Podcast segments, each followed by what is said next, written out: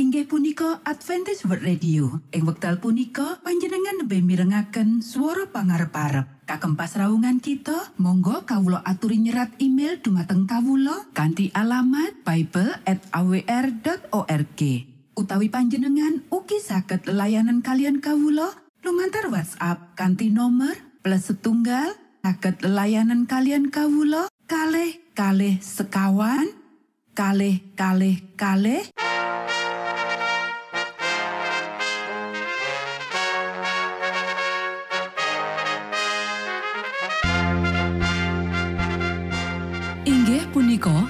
Adventist World Radio ingkang giaran kanti basa Jawi. Tentrem Rahayu kula aturaken kagem para mitra kinasih ing pundi papan lan panggonan. Sugeng pepanggian malih kalian Adventist World Radio. Kandi bingahing manah Kulo badi sesarengan kalian poro mitra kinasi. Lumantar saperangan adicara ingkang sampun rinonci. Mligi kagem panjenengan sami. Mugi giaran punika saged migunani tuwin dados berkah kagem kita sedoyo. Sugeng midhangetaken Gusti amberkahi.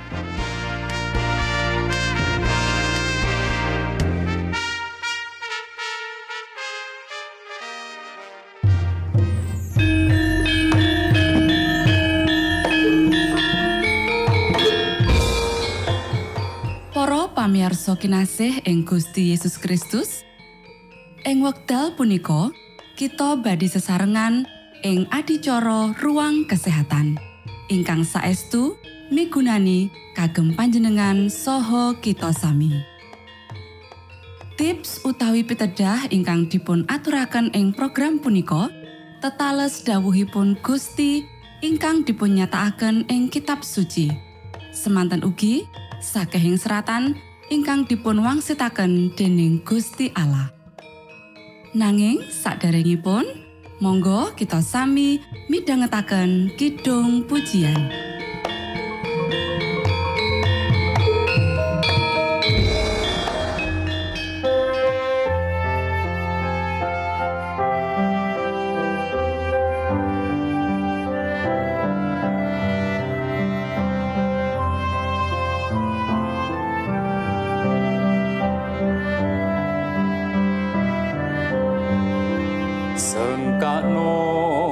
Gusti pranyata tumrap kang wis meh mati lan tumrap kang ngelak samyo kapringan tirta sakti manah kang asor lan suci Gusti mirsa lan nampi kang samyo wuto ing driya antuk pandulu mukti.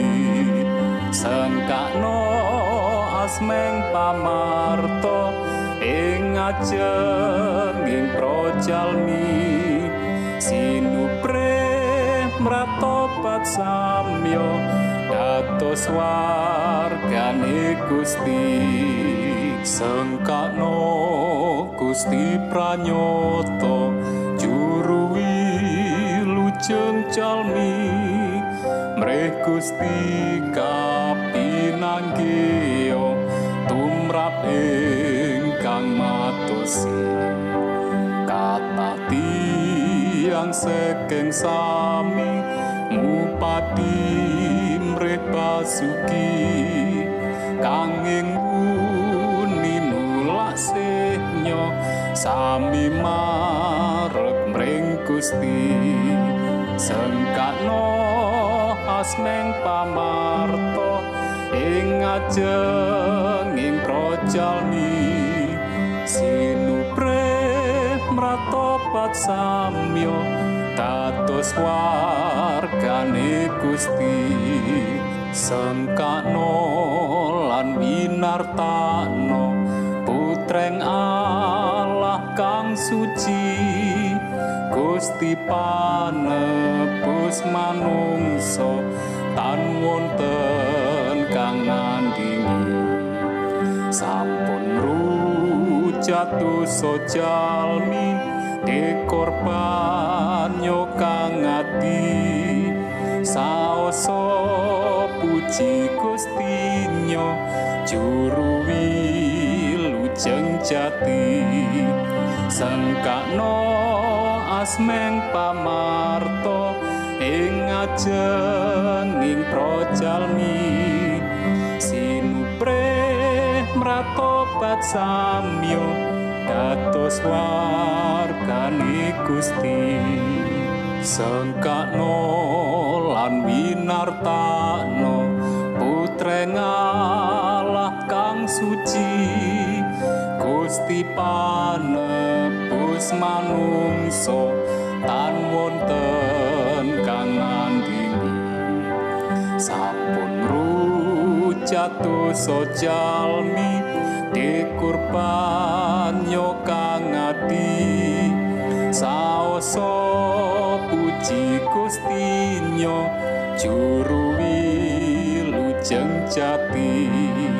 Sengkakno asmeng pamarto ing ajenging projalmi sinupre mratobat samyo dados wargane Gusti.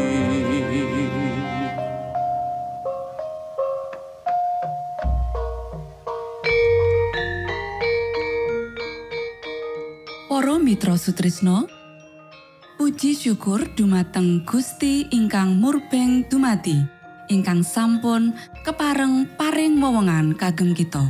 Satemah saged nglajengaken ruang kesehatan.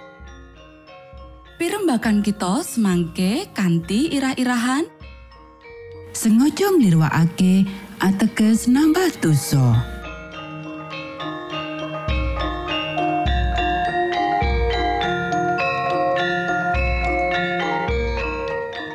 Nuwun dumateng para pamiarsa ingkang dahat kinurmatan, sugeng pepanggihan malih kalian kula Isti Kurnaidi ing adicara ruang kesehatan. Ing dinten punika kanthi irah-irahan sengaja nglirwakake ateges nambah dosa. Para sedherek ingkang kinasih, kita ora bisa nresnani Gusti Allah kanthi kumulung ing ati lan jiwa raga kami nresnani nepsu selera kita luwih katimbang nresnani Gusti Allah.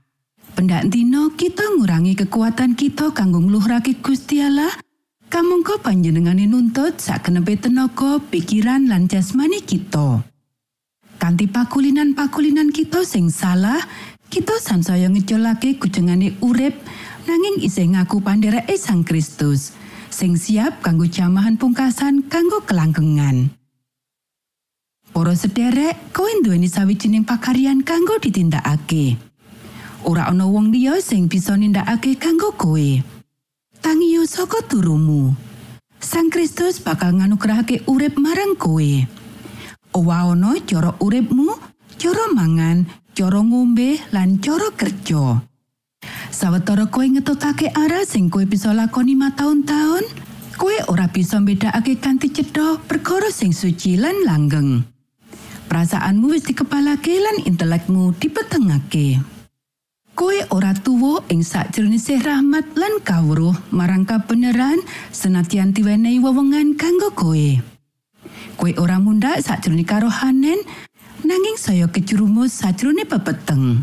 Menungso ya iku makutha titahane Gusti Allah. Dititahake sakjroning citra Allah lan dibentuk dadi gambar Allah. Menungso banget dhuwur ajine kanggo Gusti Allah amarga dheweke dibentuk sakjroning citrane piyambak. Gusti Allah nuntut kemajuan sing sinambungan saka umate. Perlu kita sinaoni menawa selera sing dimanjakake ya iku pepalang gede marang kabecikan mental lan panyucene jiwa. Kanti kabeh kawruh kita ngenani reformasi kesehatan, akeh ing antarane kita mangan kanthi ora teratur. Para sedherek ingkang kinasih, ojo nyediakake luwih akeh panganan utawa luwih maneka warna ing dina sabat dibandingake karo dina-dina liyane. Kosok balene, panganan kudu luwih prasaja lan luwih sedidik supaya pikiran luwih padang lan luwih kuat kanggo mangerteni perkara-perkara rohani. Lambung sing kepangetan kebak gawe otak buntu. Tembung-tembung sing paling aji mungkin dirungokake uga nanging ora diajeni. Amarga pikiran dibingungake dening panganan sing ora teratur. Menawa sawijining wong mangan kebangetan wareg ing dina sabat, dheweke luwih akeh obah tinimbang mikir, gawe ora pantes nampa manfaat sabat ing wewengan kang mulya iku. Para sedherek ingkang kinasih, wis dituduhake marang aku menawa pirang-pirang saka kumpulan kemah kita kahanane adoh saka sing dikersakake dening Gusti. Wong-wong sing melu tanpa pacawisan marang karawuhane Sang Roh Suci. Biasane kaum wanita nggunakake wektu akeh sadurunge pertemuan iku kanggo nyediakake sandangan lan perhiasan lahiriah tutu perhiasan batin. Perhiasan batin iku sing banget aji ing pamirsani Gusti. Ake uga wektu digunakake kanggo masak panganan sing ora perlu. Nyawisake kue mewah lan kabeh jenis sing rusak sing mangan kanthi cara positif. Saumpamane kaum wanita iku nyediakake panganan sehat kanthi cara prasaja, mula kabeh keluarga sing luwih sumadyo nampa sabda sing urip lan luwih gampang nampa pangaribawa roh suci. Asring weteng diceceli karo panganan sing arang dipangan ing omah, ngendi gerak badan dilakoni tikel pindho utawa telu. Iki nyebabake otak iku males banget, ora bisa ngajeni perkara-perkara langgeng. Sakwise rampung perkemahan, dheweke kuciwa amarga ora bisa nikmati luwih akeh pangribawa roh suci. Mugia pacawisan sandangan lan panganan tadi nomor loro amarga penyelidikan ati kanthi cara jero diwiwiti ing omah. Matur nuwun, Gusti amberkahi.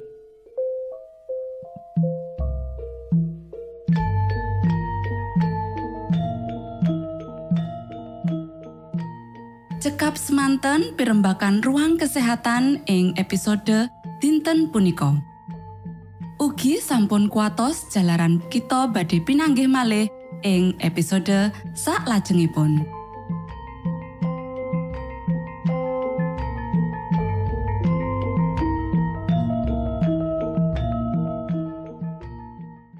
Inggih punika adicara ruang kesehatan. Menawi panjenengan gadah pitakenan utawi ngersakaken katrangan ingkang langkung Monggo Kulo aturi Kinton email dateng alamat ejcawr@ gmail.com utawi lumantar WhatsApp kanti nomor 025 pitu 00 songo songo papat 00 pitu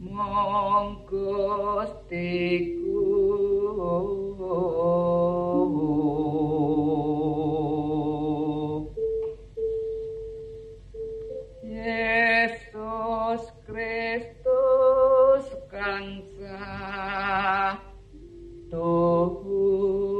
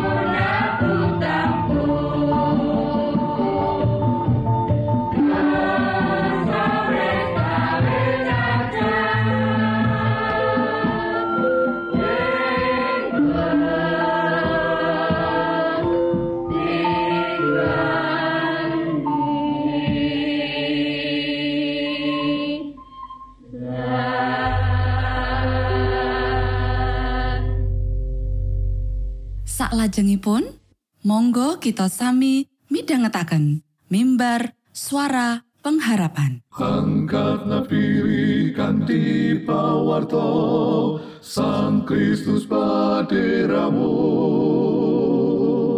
Pro umat samyo puji asmanyo Sang Kristus paderamu Inggih punika mimbar suara pengharapan. Ing episode punika kanthi irah-irahan. Kang wus sampeyan salebake. sugeng minangka tondo Sang Kristus paderamu ilmu kawero tambah tambah Sang Kristus paderamu paderamu paderamu Sang Kristus paderamu Shalom para pamirsa ingkang kinasih wonten ing Gusti. Sakmenika kita badhe mitangetaken renungan Sabda pangantikanipun Gusti. Ing dinten punika kanthi irah-irahan kang wus sampeyan salebake. Para sedherek ingkang kinasih, ing kitab lelakoni para rasul pasal loro kaserat bab tumedake Sang Roh Suci ing dina Pentakosta. Nalika para pandherek Gusti Yesus nembe ndedonga, banjur padha ndeleng ilat-ilat kaya uruping geni kang ambyar nipani sirahe wong-wong iku. Para wong iku padha mangerteni menawa kuasa kang wis kajanjekake ya iku Sang Roh Suci wis kaparingake. Lelakoni para rasul pasal loro ayat papat. Tumuli kabeh padha kapenuan ing Roh Suci sarta banjur padha wiwit guneman nganggo basa-basa liya bab kang kawisikake dening roh supaya kalairake. Apa kang wigati ing kene ya iku Gusti Allah njangkepi kanthi kuasa marang saben pribadi demi kabecikan kanggo wong-wong kang durung percaya. Berkah kuwi dudu mung kanggo kabecikane dhewe. Kuwi uga dudu berkah kang gawe wong iku dadi pantes kanggo swarga utawa sawijining berkah kanggo ngendhengake wong nindakake bisnis ing basa monco. Berkah iku kaparingake kanggo ngrampungake misi Allah kanggo wong-wong kang katriwal. Para sederek, wektu iki Gusti Allah nimbali marang saben pandhereke kanggo nggunakake peparing-peparinge iki murih kang sare misi tumrap wong kang ora percaya. Kita wis kaparingan peparingan iku. Apa ana patimbalan misi kang luwih gedhe dibandingake karo nggunakake apa kang wis kaparingake marang kita kanggo ngrengkuh marang wong liya? Tumedake Sang Roh Suci bisa nyebabake akeh wong padha mratobat saka panolane wong-wong iki menggaing Sang Mesias. Awit karana ing antarane wong iki ana ing kutha Yerusalem nalika Gusti Yesus seto. Ayo kita mikirake bab kuasa iki. Petrus nyalahake para wong iki karena wis nyalepake Sang Kristus. Lan mestine wong-wong iki nyadari apa kang wis dilakoni. Sakwise kayakinake, wong-wong iku banjur padha matur pitakon marang Rasul Petrus lan para rasul liyane. Para sederek, punapa ingkang kedah sami kula lampahi? Nanging wong-wong kuwi bisa nampa pangapura. Rasul Petrus ngendikan marang wong-wong iku. Kulo aturi sami mratobat sarta panjenengan piyambak-piyambak sami kabaptiso ing asmanipun Gusti Yesus Kristus. Amri angsala pangapuntening dosa panjenengane satemah panjenengan sami nampeni peparing roh suci. Lelakoni para rasul pasal loro ayat telung puluh wolu. Makarya bebarengan sakjroning kesalarasan karo Sang Roh Suci lan sijilan liyane para pandherek Gusti Yesus paring khotbah babagan patobatan lan pangapuntenan saka dosa-dosa. Malah wong-wong kang kemungkinan gedhe melu nyalepake Gusti Yesus. Iki kuasa saka Injil. Menawa pekabaran iki ora ngata-kata kita, banjur apa kang bisa? Para sederek, kita dijaluk kanggo martakake Injil marang donya, yaiku donya kang kebak dosa, kang sing dienggoni dening wong dosa, wis tumiba lan bobrok. Kewajiban kita dudu ngadili. Kewajiban kita ya iku kanggo nyeksekake babagan kuasa kang nyelametake saka Sang Kristus. Monggo kita sami ndedonga. Duh Rama kawula ingkang wonten ing swarga, asma patuko mugi kasucikaken. Kraton patuko mugi rawuh, karsa patuko mugi kalampahan wonten ing bumi, kados dene wonten ing swarga. Kawula mugi kaparingan rejeki kawula sak cekapipun ing dinten punika. Saha patuko mugi ngapunten kalepatan kawula, kados dene kawula inggih ngapunteni tetiang ingkang kalepatan dhateng kawula. Punapa dene kawula mugi sampun ngantos katantukaken dhateng ing panggoda, nanging mugi sami patuko uwalaken saking piawon. Awit dene patuko ingkang kagungan kraton saha wisesa tuwin kamulyan salami-laminipun. Amin.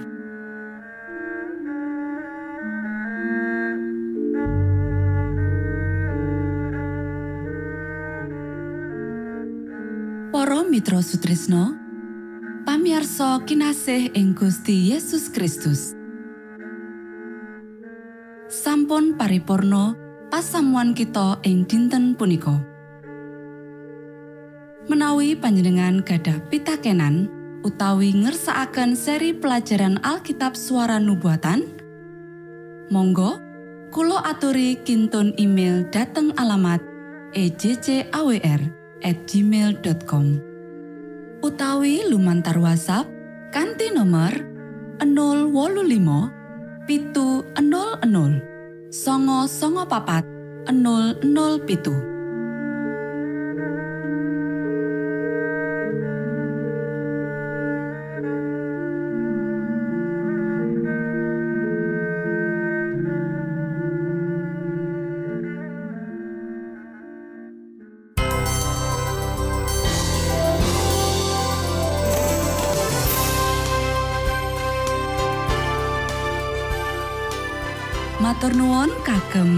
kagem wektalipun kita badhe pinanggih malih ing gelombang ugi wekdal ingkang sami. Saking studio kula ngaturaken tentrem rahayu. Gusti amberkahi kita sedaya. Maranata.